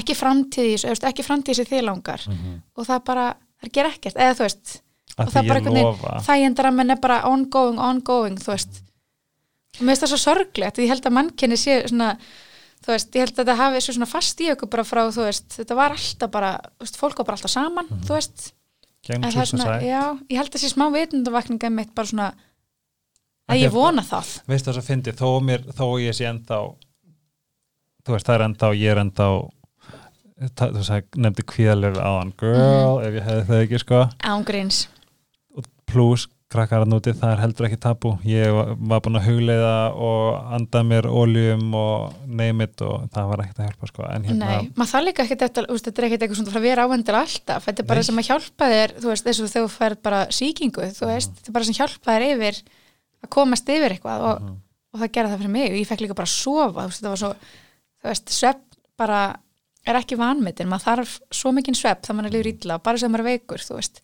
eins og ég sagði áðan april var í podcasti hjá mér, hún er algjör hérna, algjör grassakvita, hún er geggju sko já, og hún sagði mér í fyrsta skipti þegar þú ert þegar þú ert með broti hjarta já, þá átt að koma fram við líkamunaður eins og bíll hefði bomba á hann já, og þá erum við að tala um nutt, já, bara heitu pottur, bara hvað sem er sem að Einmitt. líka mig getur responda og sagt takk einmitt og það vita það ekkert allir nei en þegar hún sagði þetta þá man ég eftir því að ég þrýsti svona á hendurnar með, þú veist, ég veit ekki hvað sé brjósk eða vöð, eða þetta hérna skilur sem Já. að framhandleikurinn er Já, ég, ég, þú veist, ég, ég, ég bókstælega fann fyrir sásakunum -hmm. ekki eitthvað svona á, ég er með marblett þetta nei. var bara svona á já, það leiti bara inn í hjarta sko. einmitt. það er svona þið vitið að nút en, en Þetta ég- er líka sem að læra í leiklistinni, þú veist, hvar hitta tilfinningarna þig, skilur við? Ef að þú heyrir um þetta hundrinu dáin, þú veist, þá, þá fer ég í hugsunarferðli haustum að mér byrju hvar, þú veist, hvernig eru líkamlegu viðbröðin, skilur við? Þú veist, ég fekk bara svona strax bara brjálan svona magasting, bara svona sem gerist oft þegar mér líður illa, bara ég get ekki borðað og bara, þú veist, meldingin í rugli og allt það, sko, og það er svo fyndið að, þú veist, þegar maður er leikar, fer maður svona maður fyrir svona að absorfa allt sem þú ert að ganga í gegnum í haustum að þér, bara svona þú veist, og hvernig líkamlega responda já og því þú veist, það er það sem að þú gerir sér, þú ert leikari, þú ert ekki að upplifa það að missa pappa þinn eða þú veist, ég veit ekki hvað þú ert að leika en þú þarft ekki að vita kannski þú veist, reyna undirbúið undir það hvar hittar tilfinningarnar og þú veist, hvað hugsunarferðli fer á stað og þú veist, þú, þú getur aldrei almennilega sett í spór þess en þú þarft ekki að fara í eitthvað svona organist ferli í haustum að þér, þú veist Þetta er rétt það sem þú sagðir, ég fatt þetta ekki, ég var að fatta núna hvað þetta er líkamlegt Mhm. Harpa, við missum vinkun okkar í vinahofnum Harpa 2015 já, og ég man ennþá eftir hérna nýpnum eða blaðurnu Já. í manum á mér Já. ég fann ekkert í hausnum eða Nei. öxlanum eða bakinu nei, ég fann bara svona byrjun og bara þvert í gegn já, skríti sjóskrítið en eitt sem ég langaði að spyrja þú veist, varandi, varandi þú veist þessu slúðusögunar sem að Mhm. voru bara rosalega mikla þetta var Mi- rosalega já. mikið miklar og krassandi hvað svona, hvernig, hvernig náður að navigata þig frá í rauninni þessu fyrstu yfir í kannski bara svona hvar og stendur í dag mm. Vist, eins og ég segi ég sko, ég þurfti ekki bara að treysta því að því ég vissi að ég hefði ekki ég hef ekki valdi við því að þú veist, stoppa neitt af þessu þú veist, ef ég er að fara að tjá mig eitthvað á samfélagsmiðlum eða þú veist, eins og hann kaus kannski smá að gera þú veist, það finnst mér að bara vera ólí á eldin mm. þú veist, já, ert því að þú, já, emmitt ég ákvað bara að loka mig alveg pínu bara af og bara svona leiði þessu svona að flæða yfir, þú veist, af því að ég treysti líka bara að þeir sem þekktu mig og skiptu mig máli, emmitt, vissu sannleikan og þú veist, og vissu þú veist, væri nógu þú veist, þekktu mig það vel að vita að þú veist, sumt af þessum sögum var bara búlsitt og þú veist og eitthvað sem komið mig sem að var ekkert satt þú veist, bara svona nei, veistu að ég held ekki og ég var líka bara treysta því að vini mínu myndu þá kannski leðir þetta, þú veist, og og þú veist, á fullt af vinum skilur að myndu kannski slökkva eitthvað að elda, þú veist og það er eins og getur mér máli, bara fólki sem ég elska veit, þú veist, hvað manneski ég bý yfir og ég get ekki stjórnað eitthvað öðrum finnst um mig sem ég þekki ekki, af því að þú veist ég, ég þekki það ekki og ég get ekki haft áhrif á því Ég held nefnilega að þetta var þetta góða punkti líka bara, þú veist, á svona tímum þá kannski þá er þetta nákvæmlega sem að, einmitt, þú veist, þetta er, þú veist, að því að mi- lífið er svo mikið lærdómur, það er svo mikið test Já, en stundum er líka með test á fólki í kringum hann, já, skilur við algjörlega hver er, hver er, hver er vinni mínir Já. hver, og það var svona ástæða fyrir ég fekk maður þú veist, snákatatú á bakið, ég var bara svona fuck it, ég bara nýtt upp af, þú veist ég misti vinnuna, hérna váfór á hausinu, Já, þú veist, búin já, að vera já, já. ég var búin að vera bara, þú veist fastra á en fyrsta, fre- fyrsta fræja og ég Nei. mjög, mjög næst jobbi, bara, þú veist, ég man ekki fimm ára eða eitthvað svo alltaf var ég í fæðingarólofi og Mhm. svo fyrir að kenna íslensku og leiklist í grunnskóla í Nei. úlingadelt, það var bara gaman að prófa það, bara Nei. svona neyðin kenni naktri en svo, núna, já, síðasta haust ok En svo fyrir ég að leika í maðurum og svona og hérna, það var leikrið sem við vorum að sína og gekk ógustlega vel. Og... og, ég, Marja Hepa, uh, Lilja Nótt og Aðalbjörg, já, Álrún Örnóls leikstýri því. Það gekk bara, það var bara algjört hitt, fengum bara stjörn, fimm stjörnur í öllum hérna, miðlum og það átt að vera fram á haust og þannig að bara fór einhvern veginn allt í fokk. já, En ég ákvað bara hérna, að bara einhvern veginn treysta, bara prófa að vera frílans leikona slass, þú veist, eitthvað samfélagsmiðla mhm, og það gengur bara fínt og þú veist, maður er mitt bara að prófa að treysta og þetta var svona pínu þessi snákur sem fekk mér að baki og bæði svona nýtt upphaf, þú veist treystaði ég að bara einhvern veginn þú veist, eitthvað gott komið til mín og ég sé að gera rétt, sko og mitt nýtt upphaf, þú veist, bara þessar framkantir skilur bara, ég er að, ég er að búa mig til nýtt heimili, þú veist, líka Ég er ég, ekki elskar lengur með með- snákinn, ég hugsaði fyrst það náttúrulega, þú veist, skiptir um húð já skiptur um ham og þetta var svolítið Skiptir um þannig ham, já, ég bara einmitt. 2020 og bara svona, þú veist ég er bara allt önnum manneskinn ég var 2019 í rauninni Mm. Mhm. veist hvað ég geti líka hægt að hugsa um það er, þú veist, núna er einmitt, bæði, þú veist, ég, ég skildi núna í, í hérna já, bara núna í haust já, og þetta er svo skríti, ég veit ekki okkur ég er að hugsa þetta, kannski er þetta skrítið þess að segja þetta en þú veist, ég er mærilega með því mm Mhm. ég, veist, ég, að því að þú sagðir eitthvað sem að, sem að sem ég hugsaði þetta bara svona, vá, ég myndi ekki vilja hafa þetta öðruvísi nei einhvern veginn að vera í óhamingju sambandi mm og ég, einhvern veginn, ég hef sagt það alltaf ég, ég er að segja þetta fyrst skipt núna, skilurðu, en þú veist, það er þessi rödd hún er þarna Mhm. hún er ekkert að fokka þér Nei, skilur maður týnir henni sko já. en maður þarf líka að muna að aðeins að læja og hlusta á sjálfa sig og hlusta hvað já, þetta innsæði Bara af því að hjartað og- innsæðið er bara ég veit ekki svona hver það er Nei, fólk getur kallað guð mm -hmm. skilur við, Já. ég sverða ég var ykkur einn upp í fjallgöngu og ég bara ég hlusta á hana Mhm.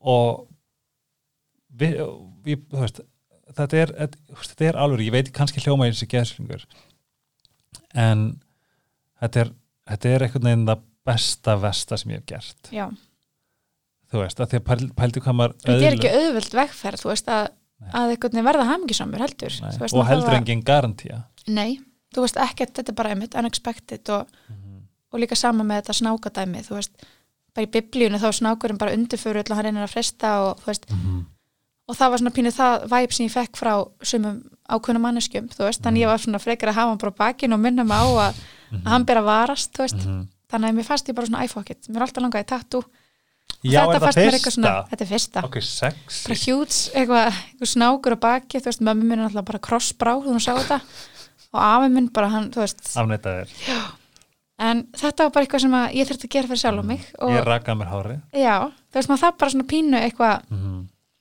eitthvað svona Hvað finnst þér að hafa verið það besta og besta við að ganga í gegnum þetta?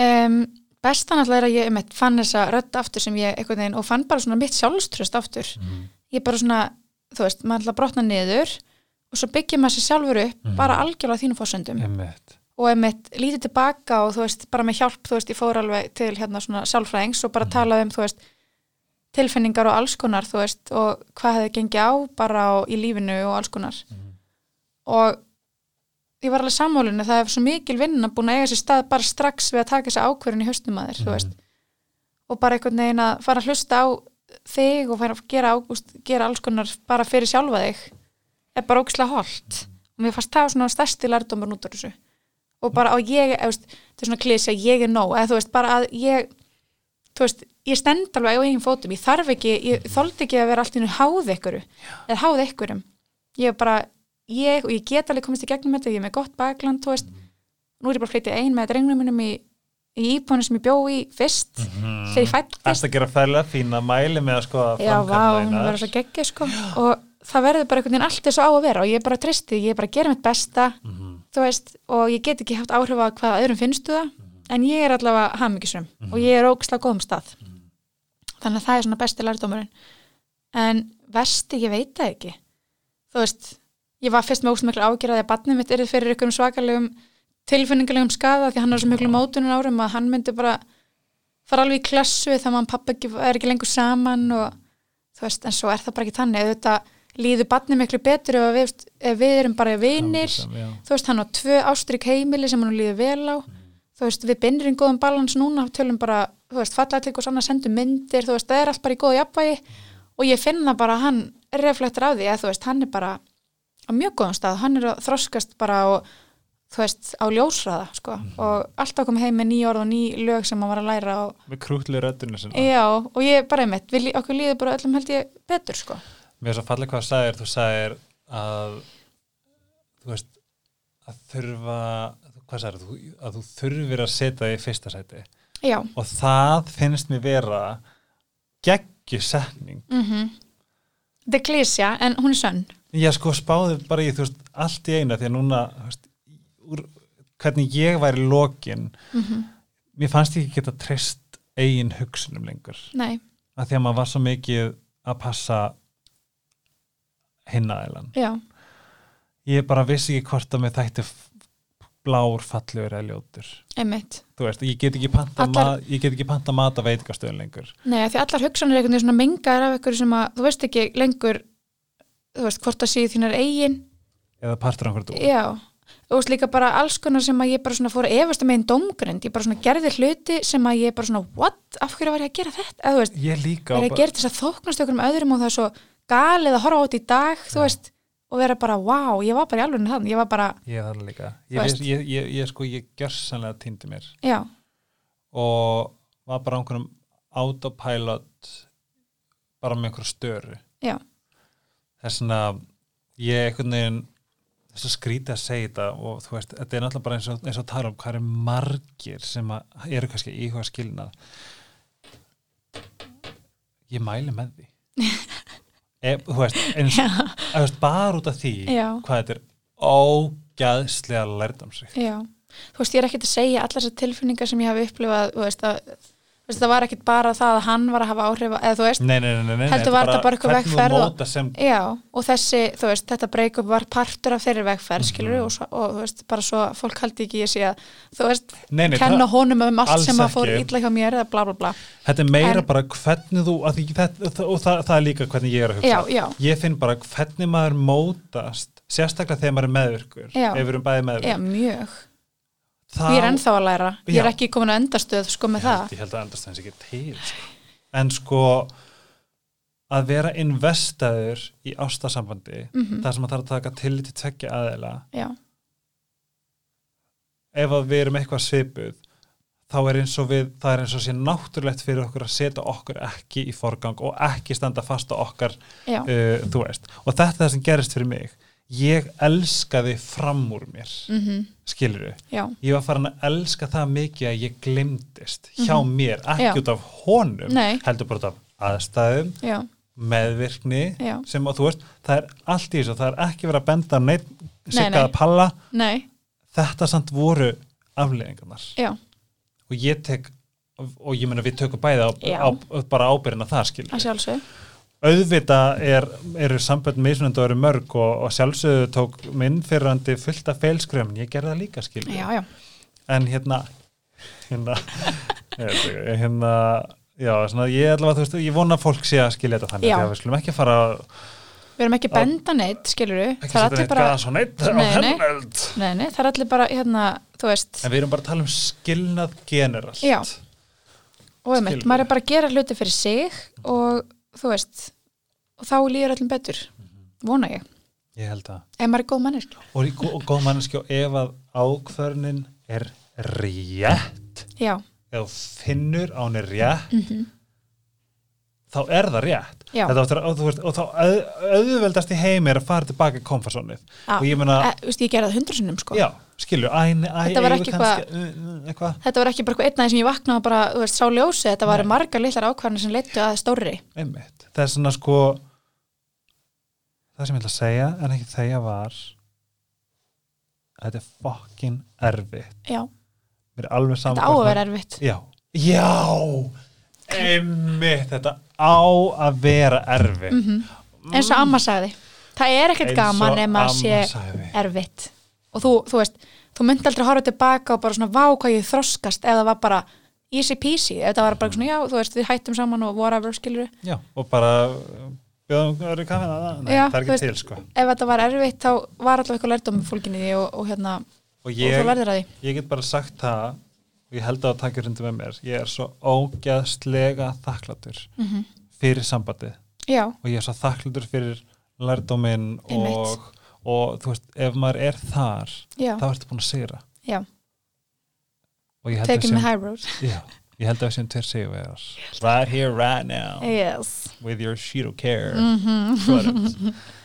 my Hef- perfect skin Mhm, Ég endilega Inside pröfa and og láta mig out. vita hvað ég finn Ég er þetta mjög er, face á, cream en þetta er samt sko þetta er, ég er að sjá þetta bara stóri af fólki sem að bara er bara, uh, hvað er þetta, loyal clients já, Það finnst vantaði mér mikið nýja rödd Cheeto Care Beauty eins og enn, Cheeto Care Beauty fæst í næstu hagkaup og lifa heilsi Djók, hérna í lokin, mín kæra já, já, og hann vokumist Mér finnst þannig að finna að við séum að rekka þetta því að við áttum þetta að spjalla eitthvað svo inni já, Tvær skilnaðar Algjörlega. mömmur já en hérna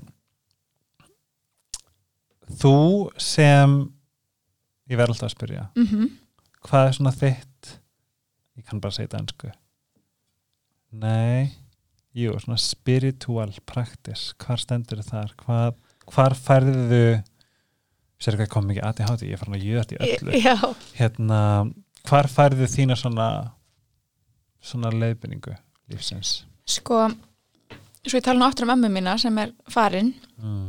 hún var prestur en hún var sem ekki svona prestur sem er alltaf að þú veist, læða inn ykkur já þetta er nú, þú veist, þetta stendur í biblíunni hérna, Já. fymta vers, eða þú veist, hún var ekki svona þú veist, preacher hún var bara, fannst mér var hann ekki bara bara þeim soulful, að, ha, svona soulful jú, og bara svona hún sjálf misti mannin sinn sko, þegar pappið á tveggjara bara, þú veist, mjög sorglegt, bara ein með þrjú börn og þú veist, þá fyrst fann hún fyrir hans tilvist eða þú veist, eins og hún talaði um það sjálf, sko og ég einhvern veginn vissi þetta ekki fyrir en ég las ég horfði á viðtal við hana í maður er nefndur sem er gamall viðtalstáttur og þá var hún að tala um af hverju hún ákvað að vera prestur þegar hún var 50, þú veist hún var bara Er ein, það? já, bara ein kona, hún var annar prestur á Íslandi, hvern presturinn sem var víður og svolítið svona mín fyrirmynd, þú veist, þarna elt hún einhver draum já og hún fann bara eitthvað köllun að þú veist, hún hafði gengið gegnum þetta með hans hjálp og henni fannst hún þurfa að miðla því oh. og hún einhvern veginn miðlaði alltaf á fallan hátt, hún talaði ekkit endilega bara um biblíun og svona, nei, nei, nei. hún talaði bara um þetta aðra og hvað,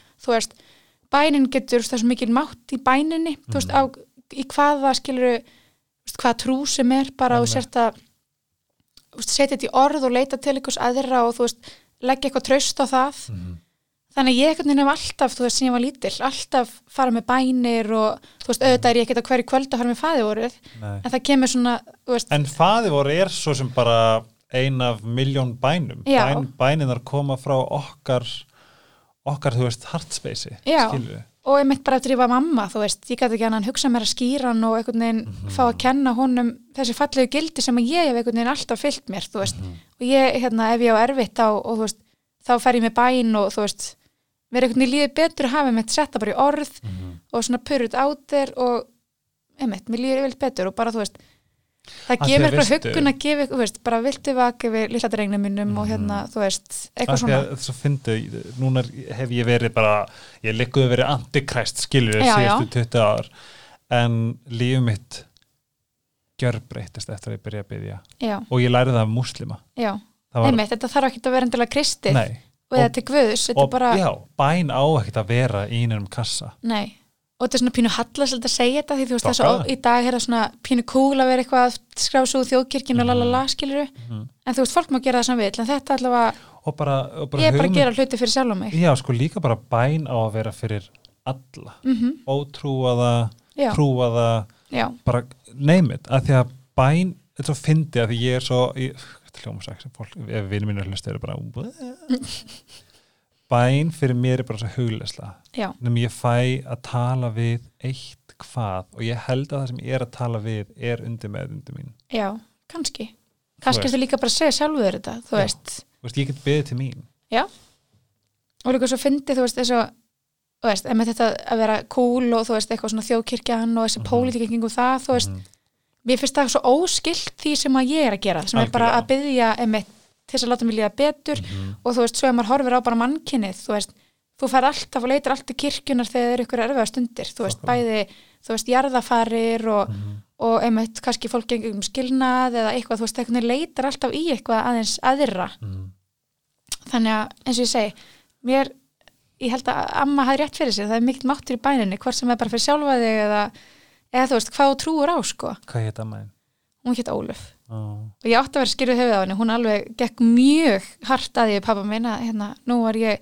báðar ömminu hétt Ólöf okay. henni líka yndislega og bara mjög heppmur ömmur þú sko. heitir ekki einu sinni Kristín Ólöf Nei, mamma mér var mjög föst að ég hétt ekki Ólöf bara hún er ekki Ólöf bara Hva- hvað er Kristín? Kristín er langamma mín Oh, þannig ég er alveg mjög blest ég er bara, ég er svakalega góða að og að þú veist, Ég ég, er bara mæli- mjög mikla, mikla kvenn fyrirmyndir í lífinu sem hafa allar verið svona kjarnakonur og og mamma einn virkar líka svolítið já, kjarnakona Bessi er þetta djóka já, og með þess að nafnið hennar er svolítið kjarnakonulegt mér langar næst ég að heita hana sko já, hún á líka mjög mikið þú veist, að þakka fyrir hvernig einmitt, þetta bara að hafa trú á sjálfur mér, þú veist gera hluti fyrir sjálfur mig, bara þú getur þetta skilur þú er fætt bann, þú getur gert allt sem þú vilt þú veist þannig að ég einhvern veginn einmitt að tala um hlutina, líka tala um mömmu sína menn að mamma manns er, er aldrei Vá, að fara ég að og dæma Beggi þig skilur vorum að tala um þetta bara Já. when in doubt speak to your mama ángríns ágríns og þú veist, hún er aldrei að fara að dæma barnið sitt skilur, hún er bara að fara og instinktið er líka bara álfri já, og hún vill manni alltaf að besta þú, get, þú getur alveg viss um það sko. mm, mamma Þannig að- myndi fela hún myndi fela lík með mér sko ángríns, hún bara setur alltaf börn, maður setur alltaf börnin sín í fyrsta seti og það er hvernig var svona miklu dýbra bónda milli okkar þegar að hann fættist ég vildi hafa hana hjá mér sko já og það var eitthvað nefn bara svona og hvernig gekk fæðingin? hún gekk bara vel, ok, hún var mjög löng en þú veist, fyrsta bat, það er ekkert óvenilegt en ég var með hríðar í þrjá sólarringa en hún hérna líka bara sjá, þú veist, bæði koma stolt af batnabatinu, koma stolt af mér, dóttu Mhm. sinni, þú veist, það var eitthvað eitthvað moment sem ég, þú veist maður hefur alltaf átt fullt af momentum mömmu sinni, hata hana, bara ömulega vond við mann, skilur hún er svona uh, þú veist, mjög brútal í honest típa, sko hvenar er hún fætt? nei, hvað, hvenar námali? hún er vasperi 17. februar er hún vaspiri? Já, Jí. og mjög, einmitt, brútal og honest og ég er oft bara svona óksla fúl út í hana hvernig hún getur lögt sér að tala við mig, skilur en það er einmitt alltaf með minn þú veist, hag fyrir brjósti ég er mitt og þarna þá var bara eitthvað svona dýbra bond sko Ó, og þú veist, ég hef aldrei viljað sleppa því það er eitthvað svona, einmitt, mjög margar sem að kjósa að gera það ekki en, en þetta var eitthvað sem við mamma þurftum bara eitthvað svona, eitthvað svona andli tenging þú veist, móðir horfir og dóttur eignast barn eða þú veist, þetta var eitthvað svo, Algjörn þetta gaur. var eitthvað svo præmal líka þú veist, og síðustu and- rembingarnir sem ég var alveg, þú veist basfaði minn Binni sem ég er búin Mhm. að nefna hérna hann, veist, hann var alveg bara hrættur alveg hrættur og ég skilur en mamma bara, þú getur þetta alveg bara þú veist, hann er alveg að koma og ég bara ok þú veist, hún hlýtur að vita já, ég alveg bara when Maður in bara- doubt já. talaði með mig já, Ég er, samt, ég er enda mjög sammála Ólöf ömmuðinni að suða um að vera skýrður í hefandurum virkar að því ég urðu sýstur eignar spatn í júli -hmm. Mhm. og ég var bara Helga Snædís, ég heiti Helgi Snædís sko já, Helga Snædís Já. og hérna bara frá því að hún kom sko já hún var skýrt Helga Sólilja Mhm. Æ, endislegt Mm. Já, en það sem finnst að virka auðvitað mömmu mín, mamma var bara hell no, Nei. bara, hún er ekki Ólöf, þú veist, hún er bara það er bara ekki hún getur ekki bara byggt sjónvastátt sem er með Gunnu Jú, og mamma hennar er kannski svolítið byggð á Bessi jú, það Gæti var það ekki náttúrulega- það verið væri svolítið- hitt í Wii, sko ég sverða þetta er free comedy að vera, þú veist það er svona kannski eina komedi sem setti stóri er svona fjölskyldulífið mitt sem er mjög skrautlegt og hérna og líflegt eða bara keeping up with the Kardashians Oh það, my þarf, það God, þarf já. eitthvað eitthvað það reality þarf eitthvað nýtt en elsku besta það þarf alla að kynna Instagrami Kristinn Péturs Peters, yes og ógæslega gaman að fylgjast með framkvæmdunum mm hvað er döfinni? annað framkvæmdur? uh, Vó lítið Klára COVID? Já, vá hvað ég var til að klára COVID -hmm. Þú veist, það er einhvern veginn að vera frílans í þessu COVID er ekkit, er ekkit að skemmtilegasta sko Það er svona fyllt af verkefni sem maður var svona spennti fyrir eitthvað svona og svo bara eru þessi veistla felli niður þannig að það er bara einhvern veginn svona Já. maður er svona pínu bara í óvissu og, og svo, en þú veist, ég set aldrei auðum höndum, það er alltaf eitthvað, Einmitt. eitthvað í gangi, sko.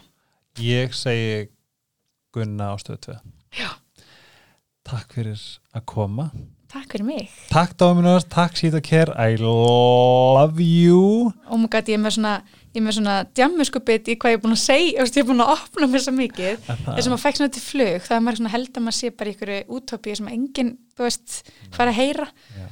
en ég hlusta kannski nokkur á þetta. En við meinum allt með ást og kærleik Það er bottom, Það er bottom line. Mhm. line-ið ég, fann allavega, ég finn allavega mikinn styrki að tala við vin og vinkunum sem er að gangi gegnum að saman og ég, af því þetta Mhm. er þetta er bara, this shit's real Bara live, life is real Mhm.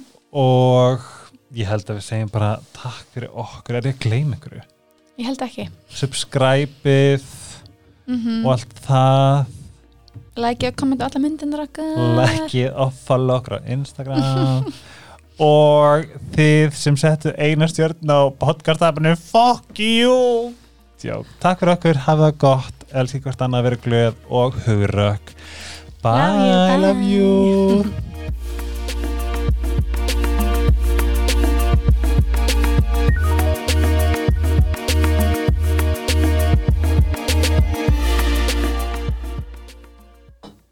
Við vorum að klára.